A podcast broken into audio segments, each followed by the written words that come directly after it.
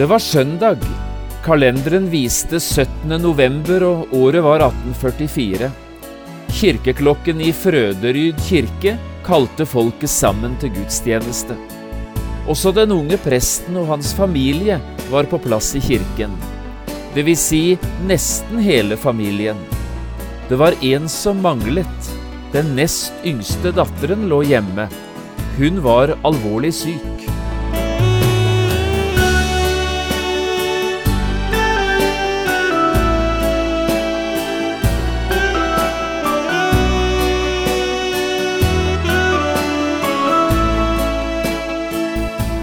Hjertelig velkommen til et nytt program i serien Vindu mot livet. Programmet er produsert av Kristen Riksradio og blir ledet av Jon Hardang. Dette programmet er produsert med støtte fra Havila AS.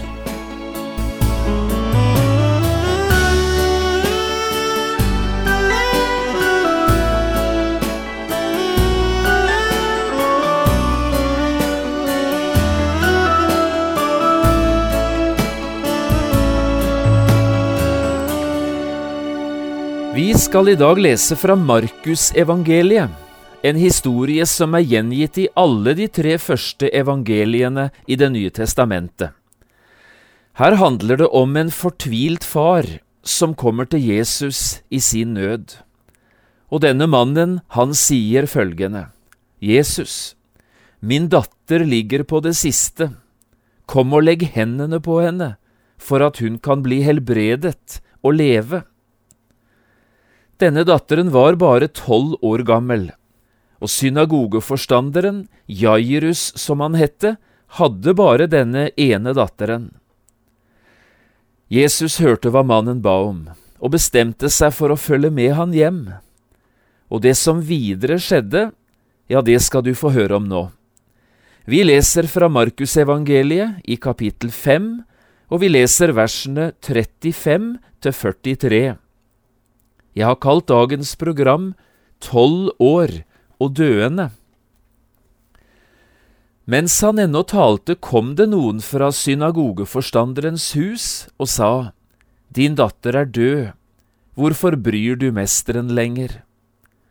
Men Jesus hørte det som ble sagt, og sa til synagogeforstanderen, Frykt ikke, bare tro. Han lot ingen følge med seg uten Peter, Jakob og Johannes, Jakobs bror. De kommer så til synagogeforstanderens hus. Der ser han et stort oppstyr, folk som storgråter og jamrer høyt. Idet han kommer inn, sier han til dem, Hvorfor larmer og gråter dere? Barn er ikke død, hun sover. Men de bare lo av ham. Han driver alle ut, tar med seg barnets far og mor og dem som er med ham, og går inn der barnet er. Så tar han barnet ved hånden og sier til henne, Talita kumi. Det betyr pike, jeg sier deg, stå opp. Straks sto piken opp og gikk omkring, for hun var tolv år gammel. Og de ble helt ute av seg av undring. Han påla dem strengt at ingen måtte få vite dette, og sa at hun måtte få noe å spise.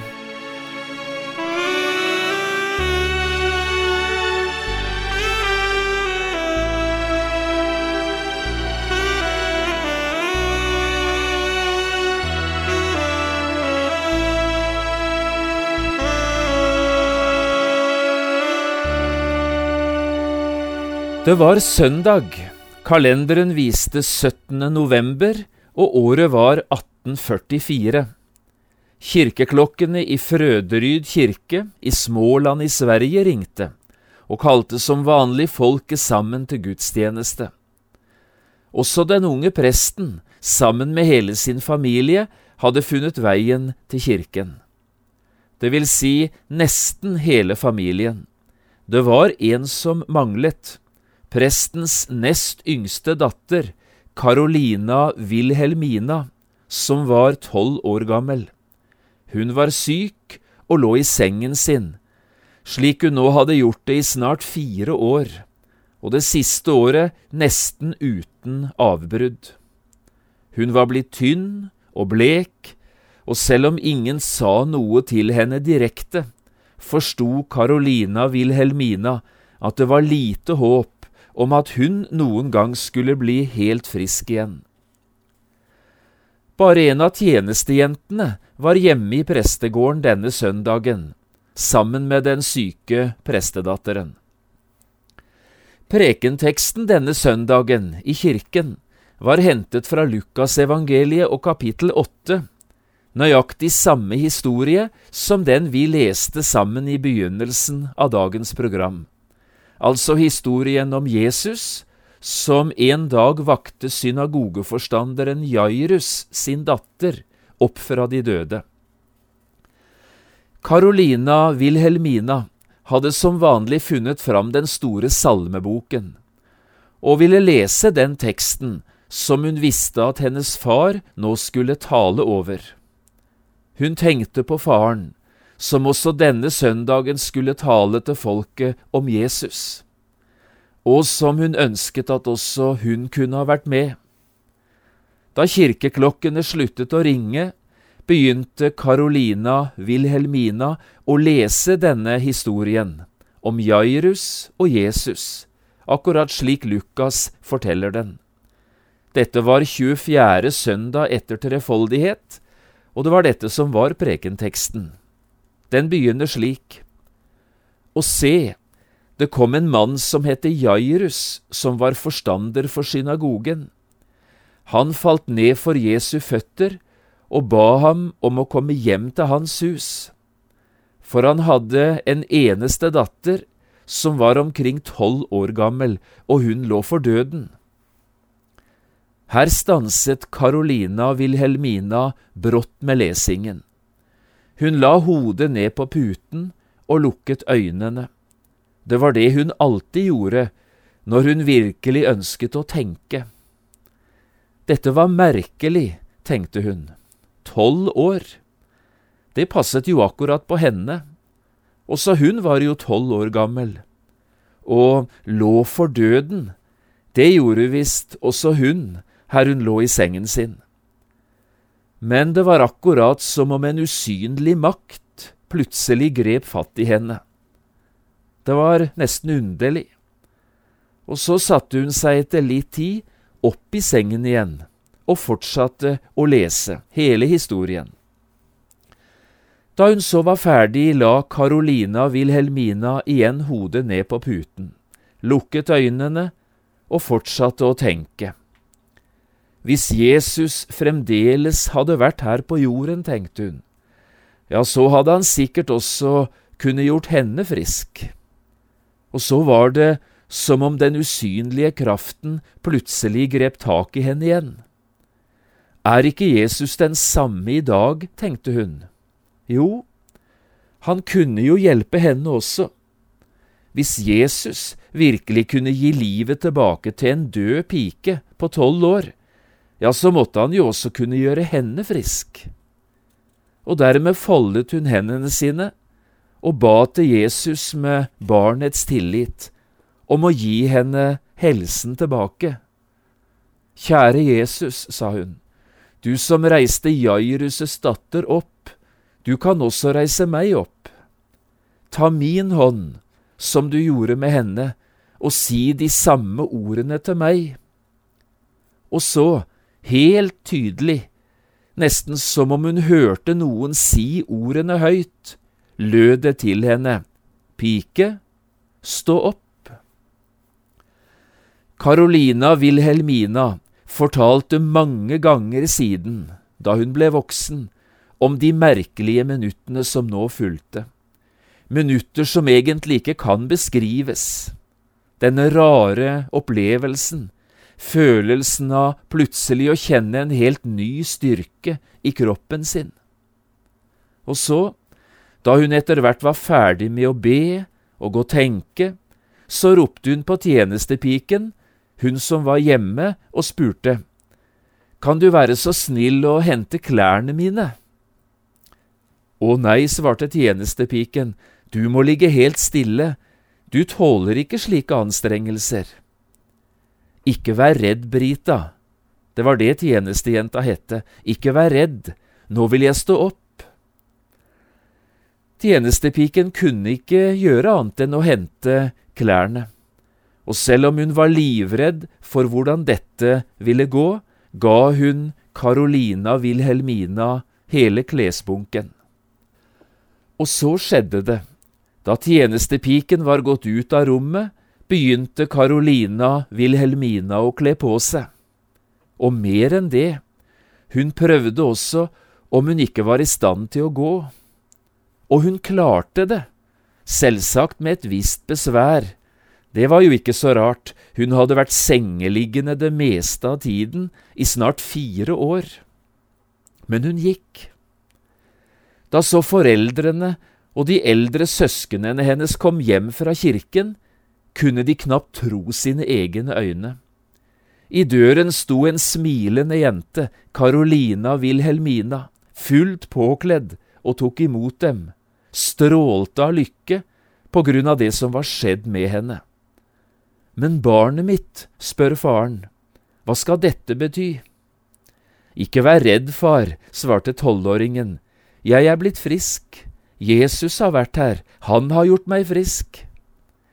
Og så fortalte Carolina Wilhelmina om hvordan det hele var gått til, mens hennes far hadde stått i kirken og talt om et under som skjedde for lenge siden, i et fjernt, fremmed land. Nøyaktig samtidig hadde et like stort under skjedd denne søndagen, her i hans eget hjem og med hans egen datter. Carolina Wilhelmina var altså denne unge jentas navn, og jeg tipper at det er mange som ikke vet hvem denne piken egentlig var. Hun er langt bedre kjent under et annet og mye enklere navn. De kalte henne ofte bare for Lina. Hennes far, det var presten Jonas Sandell, og den unge piken, det var altså Lina Sandell en av Sveriges aller dyktigste og best kjente kristne sangforfattere. Det var hun som tolv år gammel fikk oppleve dette underet.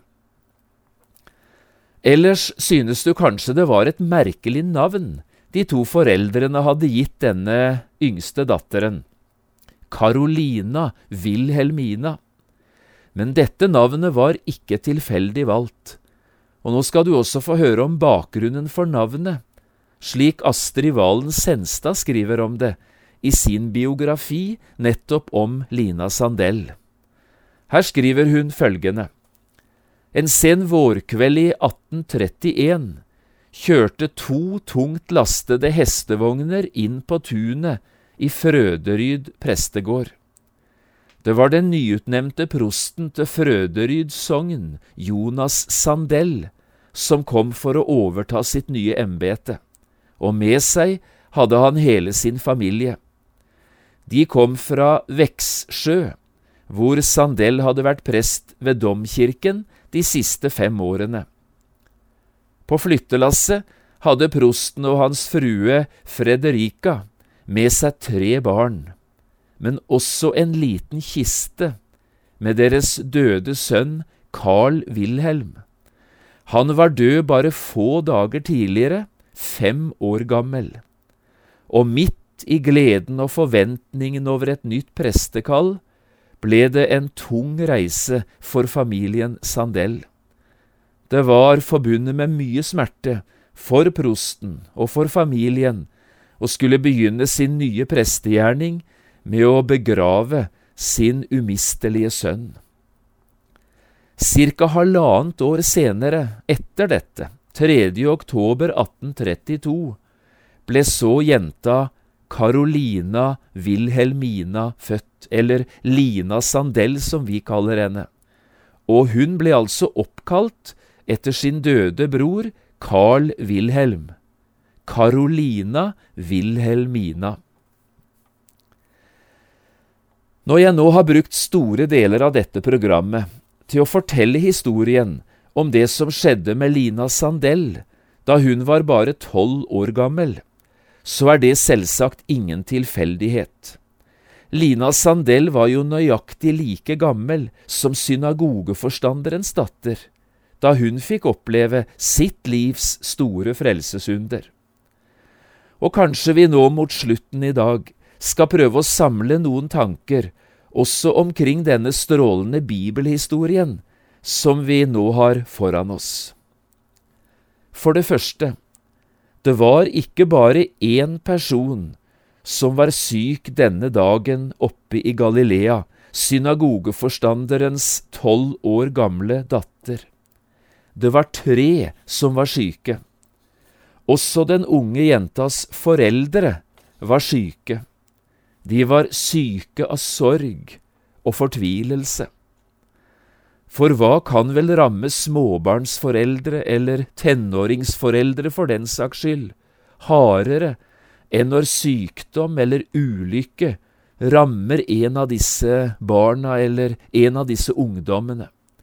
Det kan vi ha litt erfaring av, noen hver av oss. Synagogeforstanderen Jairus var bånn fortvilt, og det var sikkert også hans unge kone. De var syke av sorg, begge to. Og kanskje snakker jeg i dag til en eller annen som akkurat nå befinner seg i en lignende situasjon av den som vi nå leser om fra Bibelen. Da er denne bibelteksten til deg som måtte slite med fortvilelse av en eller annen grunn, da er dette programmet helt spesielt til deg. For sykdom og nød får aldri lov å si siste ordet der Jesus lukkes inn. Han kommer alltid med framtid og håp, selv om situasjonen virker aldri så mørk og fortvilelse. Det endte ikke med fortvilelse og død i Galilea. Det endte i synagogeforstanderens hus med forundring og stor glede. Det er jo slik vi leser om det fra Markus 5 i dag. Og det er slik også du skal få oppleve det, du som akkurat i dag har dine vanskelige ting å streve med. Sorgen, fortvilelsen, får ikke siste ordet der Jesus er. Men det er også et annet forhold som kan være verdt å nevne i denne sammenhengen, i møte med den bibelteksten vi har foran oss. Tolv år og døende har jeg kalt dette programmet. For er det ikke nettopp akkurat i denne fasen av livet at unge mennesker også prøver å finne veien fra barnetro til voksentro? Er det ikke nettopp i disse årene at avhengigheten til mor og far, eller avhengigheten av andre voksenpersoner, etter hvert skal bli erstattet med et liv der jeg i forhold til Gud og gudstro må begynne å stå på egne bein? Disse årene Akkurat denne fasen av livet kan by på store utfordringer, både for barna selv og selvsagt også for deres foreldre. Tolv år og døende. Dette kan faktisk også være som en presis beskrivelse av det mange familier opplever når unge mennesker på vei inn i tenårene skal komme til rette med voksenlivet og med dette som har med Jesus å gjøre. Det er så mye lettere når en er liten. Det er så mye enklere å synge da, ikke sant? Ja, nå vet jeg hva jeg vil. Jeg vil følge Jesus. Og en ikke bare synger det når en er liten, en synger det fra hjertet, og en mener det. Men dette er barneårene. Dette er barnetroens virkelighet. Når du blir tolv, ja, så forandrer tingene seg. Barnesangene stilner, og barnetroen utfordres. Hva vil du egentlig gjøre? Hva vil du nå tenke om Gud, om Jesus, om Bibelen og om troen? Og plutselig er det for tolvåringen ikke så enkelt lenger. Kan jeg stole på det som står i Bibelen? Og er det noe så viktig dette med Jesus? Og har det noen relevans for meg når jeg nå er på vei inn i voksenlivet, dette med tro dette med å følge Jesus. Og så blir det opplevd i mer enn ett hjem.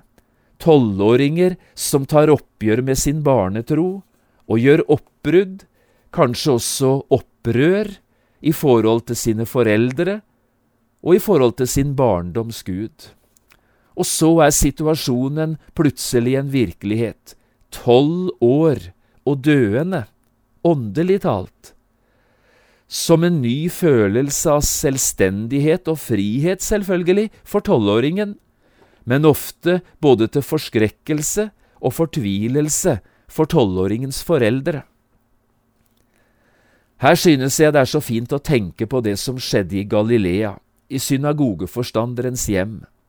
Ja, for heller ikke religiøse ledere kommer unna ting som det vi snakker om her. Men Jesus hadde full kontroll over situasjonen. Han vet godt hva dette handler om, tolv år og døende.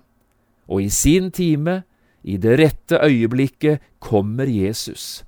Taler direkte til en tolvåring, griper tak i hånden, bokstavelig talt, og reiser et ungt menneske opp til nytt liv og ny trosvandring.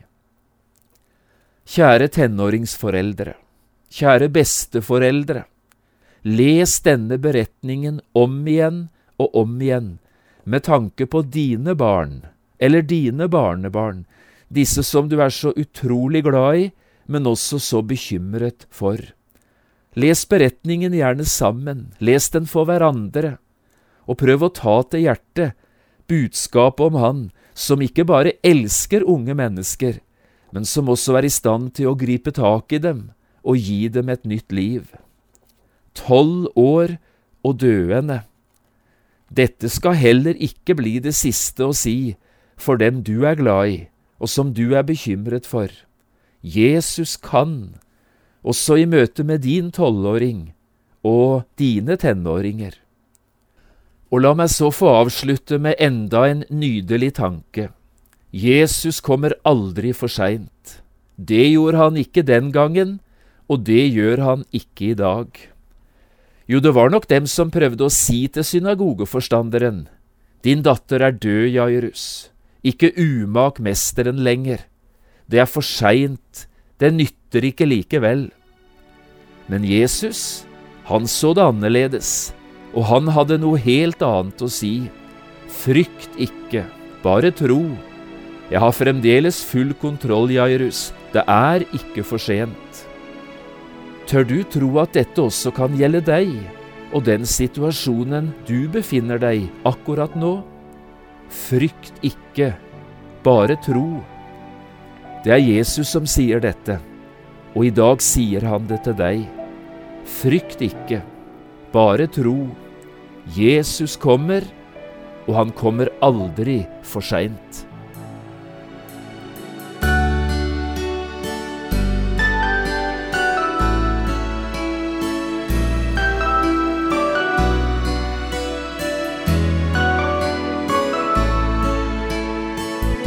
Du har lyttet til et program i serien Vindu mot livet med John Hardang. Programmene i denne serien kan også kjøpes på CD fra Kristen Riksradio, eller høres på internett på p7.no. Har du spørsmål eller kommentarer til det du nå har hørt, kan du ta kontakt med oss. Adressen er Kristen Riksradio, Skiene 2, 5353 Straume. Eller send en e-post vml alfakrøll p7.no. Takk for i dag, og på gjenhør.